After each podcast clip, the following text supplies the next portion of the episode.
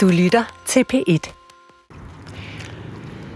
Eos med safransløret steg op fra okeaners strømme, og lod sit lys rende op for mænd og for evige guder.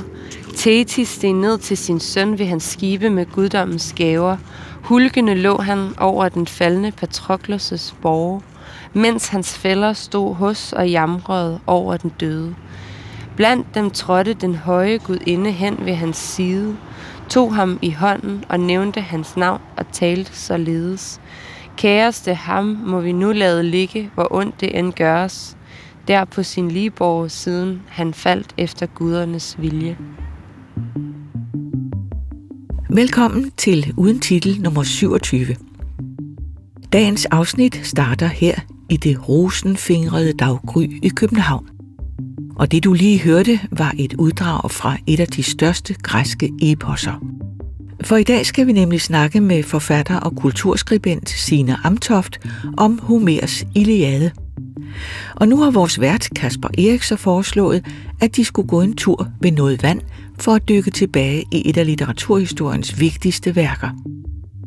Heldigvis er Sine, ud over at være en markant stemme i det danske kulturliv, også et udpræget morgenmenneske. Ej, prøv at se. Det er ikke flot? Inde i skærmen også. Jo, det er faktisk ikke så tit, at det fungerer begge steder, synes jeg. Nej. Men jeg havde troet, det ville være lidt mere solopgangsagtigt. Ja, der er ikke den der Løvernes Konge-intro øh, Nej. der øh, stille og roligt hæver sig. Signe, mens du tager et billede af himlen, vil du så sige, hvor vi er? Det vil jeg gerne. Vi er på Svanemøllestrand, ved Svanemøllestrand Mm. i København klokken 6-ish om morgenen, fordi at du har inviteret mig til at, at gå en tur i øh, det rosenfingrede daggry. Det er, fordi vi skal snakke om Iliaden. Ja. Og det er en, en bog, hvor der er meget vand involveret. ja, Og det er folk, der. der krydser vand. Ja. Men vil du prøve at sige noget om dit forhold til den bog? Altså, øh, jeg har, altså, jeg har altid været meget øh, begejstret for græsk mytologi.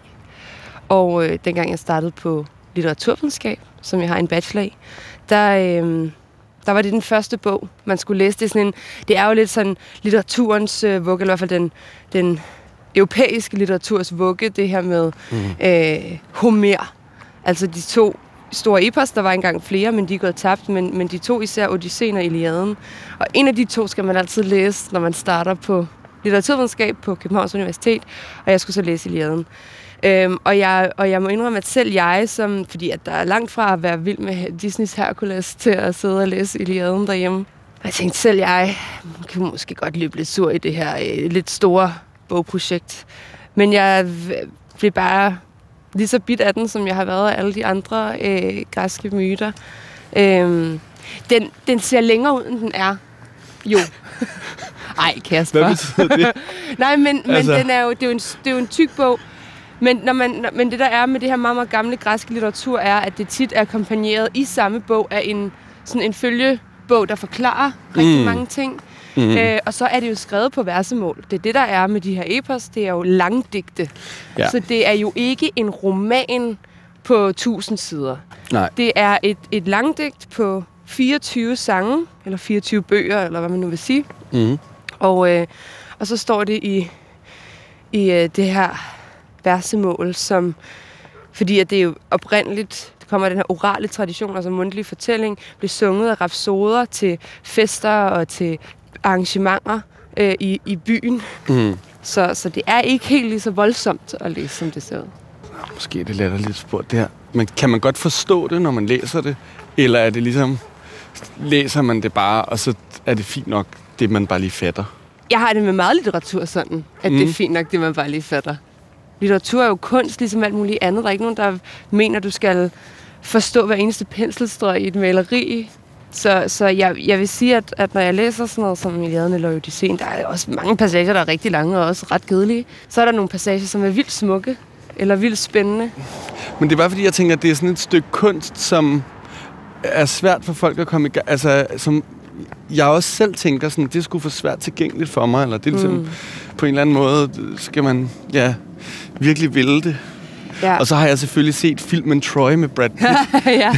øh, Men, men det, som jeg synes generelt, man kan sige, om nu synes det er mere svært at komme i gang og sådan noget, det jeg synes generelt virkelig er interessant ved den græske litteratur, grund til at interessere mig for den, det er, at den handler om nogle ting, som vi også går rundt og dealer med i dag. En ting er krig, mm. men en anden ting er også kærlighed og vrede og jalousi og øh, venskab og familie. Og Iliaden er jo også helt vildt mange forskellige billeder af maskulinitet, for eksempel. Mm. Øh, skal vi gå lidt ud af? ja,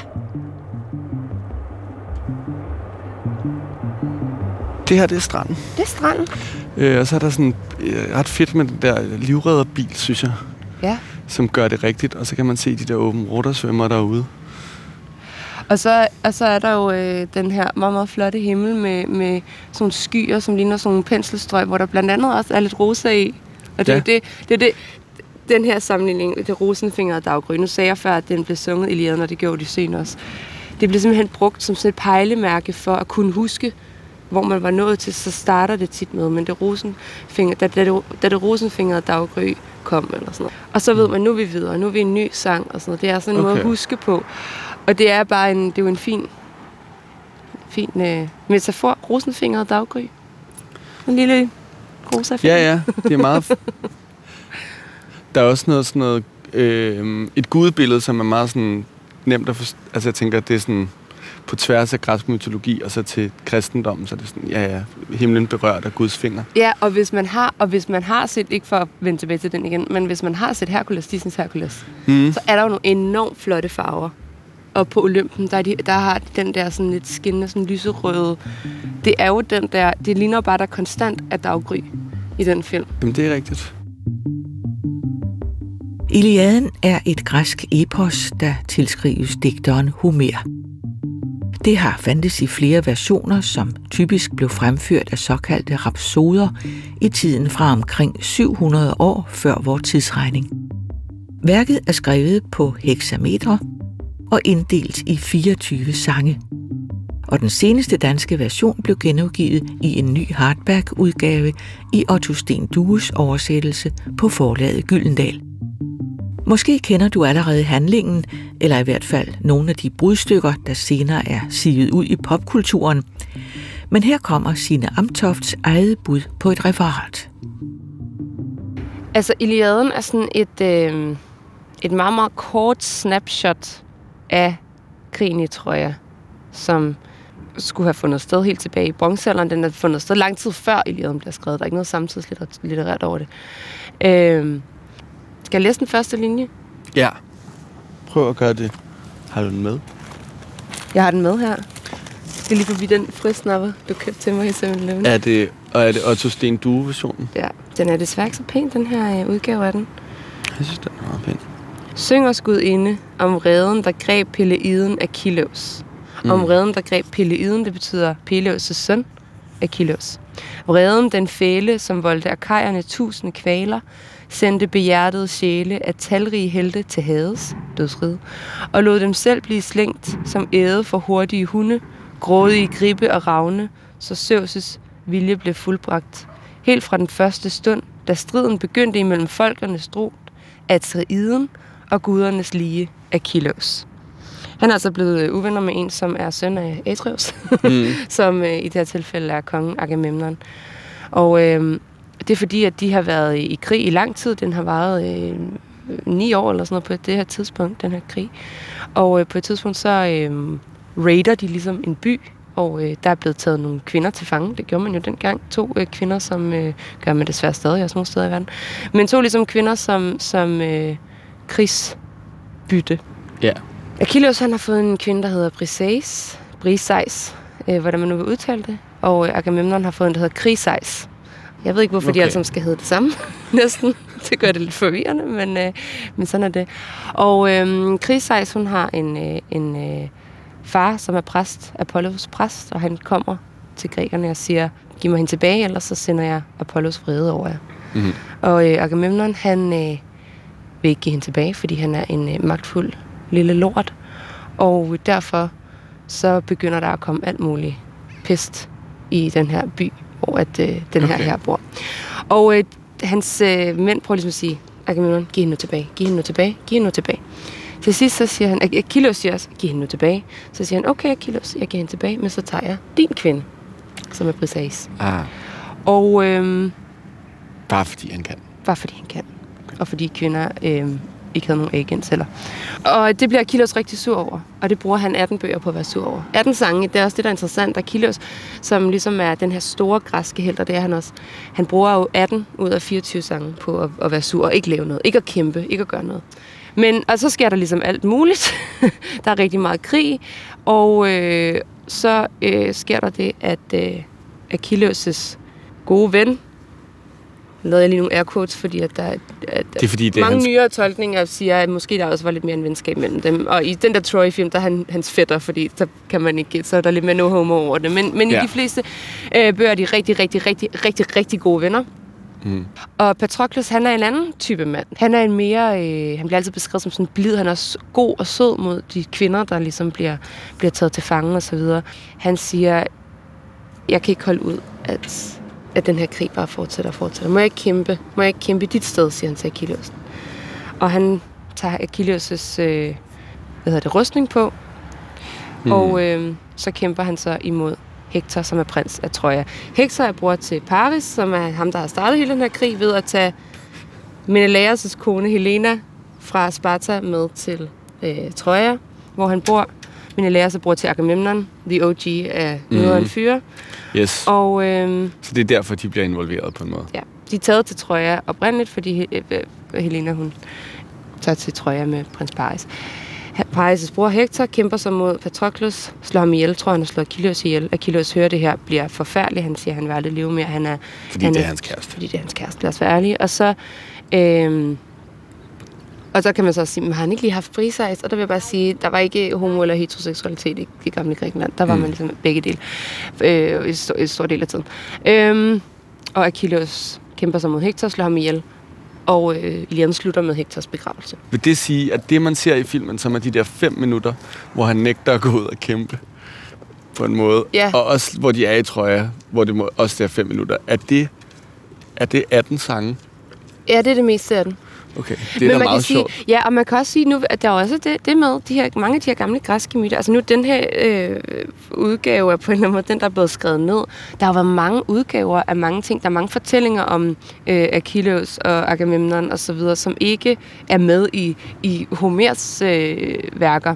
Mm. Altså, jamen, hvis det er den fortolkning, eller hvis det er den udgave, de har valgt at lave i Hollywood, Mm. så er det den udgave, de har valgt at lave. Den, den stemmer ikke overens med den bog, mm. vi kender som Iliaden. Alt er jo, er jo gamle myter, som man fortæller på den måde, man nu har lyst til. Ikke? Og der er også der er en ting, der er en tendens, jeg synes er rigtig fed i litteraturen. I de senere år, som er der mange forfattere, som er begyndt at fortælle kvindelige synspunkter for de her værker. Altså en, der hedder Natalie Haynes, som også er en af dem, der virkelig har vagt min interesse for det, og øhm, som er vildt god til at fortælle om en. Hun er både stand-up-komiker og klassicist. Øhm, og hun har skrevet øh, en bog, der hedder A Thousand Ships, som refererer til, at dronning Helenas ansigt var et, der udløste tusind skibe, mm. øh, siger man. Man kunne også sige, at hendes mands jalousi gjorde det, men det er jo en anden måde at se det på.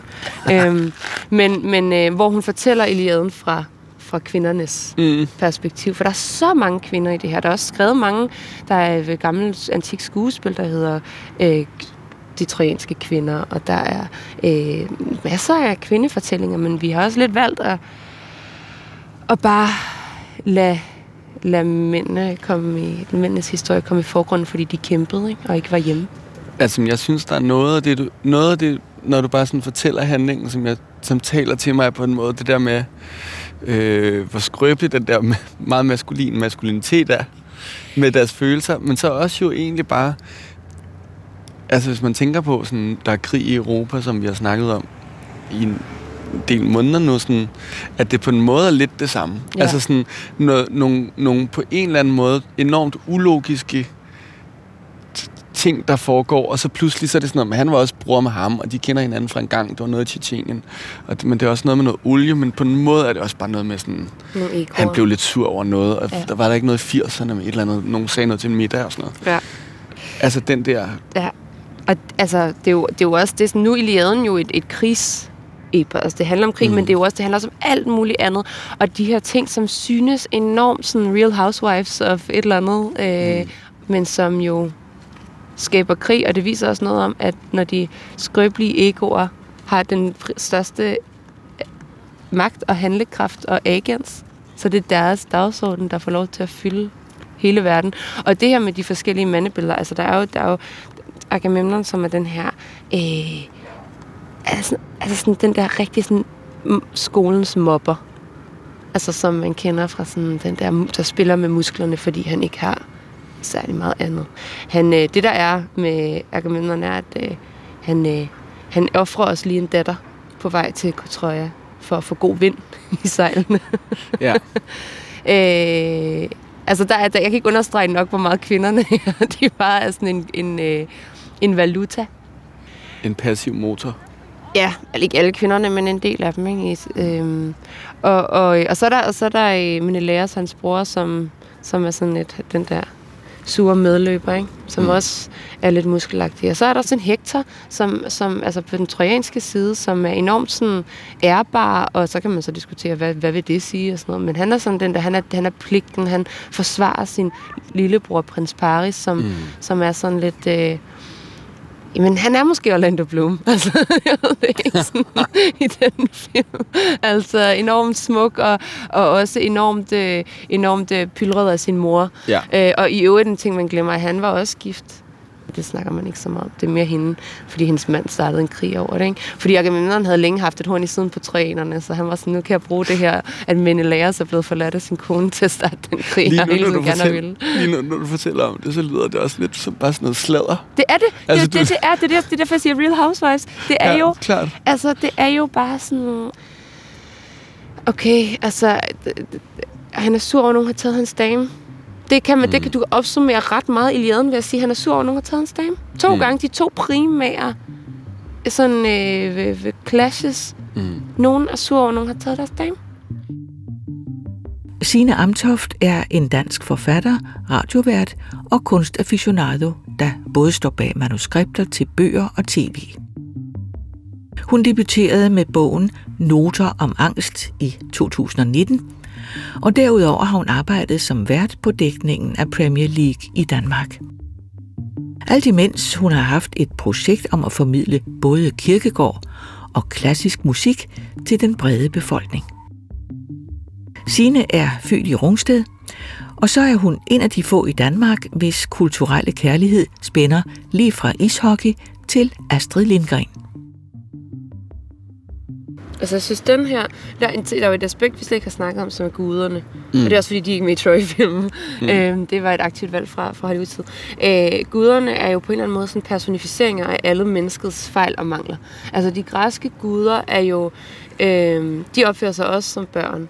Det starter med, at, at den her... Øh, der blev holdt fest, der blev holdt bryllup på Olympen, og Eris, stridens gudinde, var ikke blevet inviteret, fordi ingen orker hende. Og så kaster hun så den her, det her gyldne, nogen siger et æble, nogen siger en gylden bold, men en rund ting, genstand ind til øh, det her bryllup, hvor der står øh, til den smukkeste gudinde. Og så siger Afrodite, Athene og Hera alle tre, det må være til mig. Mm. Og øh, så bliver de uvenner. Så møder de Paris ude på et bjerg og siger, hey, kan du ikke lige beslutte, hvem af os, der er den smukkeste gudinde? Øh, og den ene, Athene siger, jeg vil give dig evig i krig, og Hera siger, jeg vil give dig evig, jeg kan faktisk ikke huske, hun vil give ham. Og Afrodite siger, jeg vil give dig den smukkeste kvinde i verden, og det er Helene. Og så vælger han Afrodite for Helene. Der er den her, de er hele tiden uvenner, de er hele tiden sure på hinanden. Der er nogen, der hjælper grækerne, der er nogen, der hjælper trojanerne. Mm. Og, og det er så barnligt det hele. Og det er det, jeg synes, man kan bruge sådan noget her til. Det er jo også, man har, det er, det er også en påmindelse om, det er jo skrevet af mennesker. Det er mm. jo ikke bare ellers funget. Det er jo ikke bare mm. noget, som er opstået af ingenting. Og, og det viser os noget om, hvordan man tænkte, for jeg ved ikke, hvor mange tusind år siden. Mm. Og det synes jeg bare er vildt interessant, at man stadig dengang bare tænkte, nogen er sur på nogen. Og jeg kan rigtig godt lide gammel litteratur, fordi det minder mig om, at vi ikke er en skid speciel. Altså, vi i 2022, jo, vi har nogle andre teknologiske muligheder, vi har nogle andre udfordringer. Jorden, der er lidt tættere på, at jorden går under lidt. Men, men, men bottom line er, at vi fester, vi skændes, vi knaller, og vi lever bare vores bedste, det bedste liv, vi nu kan. Og det gjorde man også dengang. Og jeg synes, det der er sjovt ved at læse om guderne, er det der med, at man på en eller anden måde har valgt at tørre noget opførsel af på, der var nogen endnu højere op, Mm. som heller ikke kunne finde ud af det, og som, som guidede os, og det er the blind leading the blind, og det er det, der er så fedt ved de græske guder, synes jeg, det er, at de er fejlbarlige. Der er ikke den der perfekte gud, mm. der er ikke den der alvidende gud, der er ikke den der øh, rettesnor. Nu bryder solen lige frem mellem skyerne her. Det er, sådan, Ja. det er ret flot. Det ligner sådan en Zeus' øje, der kigger på os, Ja, mens vi snakker om. mens du siger det her, så kan jeg heller ikke lade være med at tænke på sådan... Altså, da du sagde det der med, at vi ikke er en skid anderledes. Og så når man sidder og taler om sådan noget her, så synes jeg, man bliver enormt skærpet i forhold til at kigge på, hvordan mennesker ser ud, eller sådan, hvad ja. der er. Der, der, kom, der er kommet, ankommer sådan helt badelag Der er møde. til, til den strand, vi sidder på og kigger på, på sol og vand. Kan du egentlig huske første gang, du sådan kom i kontakt med noget litteratur, der ligesom sådan rørte dig, eller gav dig den der en eller anden følelse? Ja, altså jeg, øh, jeg lærte meget tidligt at læse. Altså læste hele tiden, og var meget sådan, øh, havde altid mit læsehjørne øh, på mit værelse. Øh, og der læste jeg rigtig meget Astrid Lindgren. Og, øh, og jeg var rigtig meget sådan en Mio min Mio-pige. Hmm. Jeg læste den igen og igen og igen. Og det der med den her dreng, det er jo Harry Potter. Ja. dybest set er, er Mew Min Mew Harry Potter 7. Men øhm, det der med den her dreng, som var sådan lidt ensom, og havde den her onde tante og onkel, han boede hos, det havde jeg ikke, må jeg lige nævne. Øhm, og så, var han, så viste det sig, at han var prins i den her anden magiske verden. Og, og den der fortælling om sådan mod, og om at være den eneste, der kan, der kan gøre noget han er jo prins i den her verden, hvor der er den onde ridder Kato og hans sorte, sorte spejder, Mm-hmm. som skal brede ondskab og utryghed. Og han skal kæmpe imod dem. Han er den eneste, der kan. Og det der med sådan, det der barn, der bare tager det ansvar. For jeg tror også rigtig meget ansvar som barn altid. Og det var bare... Um, det identificerer jeg mig rigtig meget med. Jeg kan slet ikke huske, hvad den handler om. Jeg kan bare huske, at jeg fik læst noget op fra den, og tænkte, det var simpelthen så sørgeligt. Ja. Altså, det var et eller andet med, det var den måde, man lærte alvor at kende på. Ja. Altså, sådan har jeg det også med Brødrene Løvehjerte. Jamen det var det, Astrid Lindgren hun kunne. Hun kunne tabe ind i det sådan sorgfulde og frygtsomme, som alle har, men som vi er, altså vi er jo enormt bange for at tale om sorg i Danmark, og vi er enormt bange for at tale om det grimme, Hmm. med, og især med børn. Øhm, hun, hun gik jo bare head first, Astrid Lindgren, ind i, der er nogle ting, der er sindssygt uhyggelige og, øh, Mm. og ubehagelige, og, øh, og sådan er det. Jeg kommer bare, altså på en måde, det her er et vildt irriterende spørgsmål, men jeg kommer bare til at tænke på sådan, kan vi snakke om, hvordan bruger du egentlig litteratur, når du læser det? Altså, vil sige, en af, altså, nogle gange, en ting er jo, at nogle gange er det bare underholdning. Altså, nogle gange mm. bliver man bare underholdt, og det er jo også det, man skal bruge kultur til. Alt behøver ikke at have en eller anden sådan kæmpe betydning, eller... Øh, men jeg synes også, at i, også i den politiske dagsorden, at folk har sådan lidt travlt med, at sådan, der, er- der er ikke er der uden fortilfælde, at sådan, uh, det, det her har vi aldrig set før. Prøv, det er sådan, prøv at læse den her bog fra 1600-tallet. Prøv at læse den her. Øh, når man snakker om køn og identitet, og hele det der sådan, uh, den der frygt for identitetspolitik, hvor det er sådan, undskyld, har I læst om, om alle de øh, Øh, crossdressing, panseksuelle, øh, nøgne mennesker, som var i så meget litteratur, både i Grækenland, men også senere, men som så, fordi at viktorianerne oversat alt, og i øvrigt syntes, at der var en måde at være familie på, så bare har slettet. Altså, øh, der er sådan hele den der sådan, øh, der, er så, der er så meget, der er så mange skatter i, i det her, som, hvor vi kan lære, at alle de ting, vi tror er så særlige for vores tid i dag, og vores måde at være på i dag, bare er en dråbe i sådan et øh, kulturhav. Altså, jeg, jeg udgav en bog om angst i 2019, hvor at, at et af kapitlerne også handler om, hvor at angsten er i litteraturen. Hvor mange steder den er at finde, ikke bare i filosofien hos Kirkegaard Kierkegaard og sådan noget, men i mumitrollene og i øh, Hamlet og i øh, øh, alt muligt andet, fordi det, man er ikke speciel. Som menneske er man ikke speciel. Det er det, vi alt, især vores generation virkelig har fået at vide hele tiden, at vi er, at vi er noget unikt hele tiden. Og det er vi jo på en måde. Der er ikke nogen, der har vores sindelag eller vores alt muligt. Men de problemer og de usikkerheder, vi har stået overfor, de har været der før. Og det er det, der frustrerer mig, når folk underprioriterer humaniora, når folk underprioriterer skønlitteratur til fordel for fakta og alle de her fakta-ting, som jo er vigtige i samfundet. Lad mig lige understrege det. Men det er, at de her ting, de er med til at vise os, hvordan det menneskelige sind har fungeret på alle mulige måder. Og jo, og jo mere vi bliver mindet om, at man har altid haft angst, man har altid øh, haft øh, sex. Man har altid været i tvivl om sin identitet, om det være sig øh, kønsidentitet, eller, eller hvad man skal bruge sit liv på. Der er altid nogen, der har følt det før dig, på måske sågar præcis samme måde. Og det, den, og det er den del af sådan... Det er det, der er med til at skabe et sundt mentalt helbred, en, en mental balance. Og det er det, man underprioriterer hver gang, at man siger, at alt skal være baseret på øh, kvantitative data, fordi du kan ikke du kan ikke kvantificere den menneskelige psyke, og det er lige præcis det, som kunsten den hjælper os med, det er at give os den kvalitative data til at forstå os selv. Og det kan man ikke få fra nogen statistikker. Du har lyttet til Uden titel nummer 27. Ugens gæst var Sine Amtoft, og ugens værk var Iliaden. Din vært var Kasper Erik. Uden titel er produceret af Munk Studios til DR.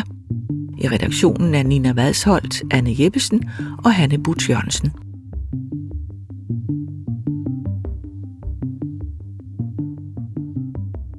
Der er jo masser af slag i den her krig.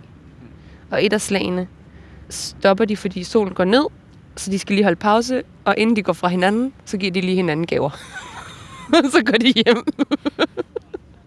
og det, det, der må man gerne sige, det var en anden tid. ja. Gå på opdagelse i alle DR's podcast og radioprogrammer. I appen DR Lyd.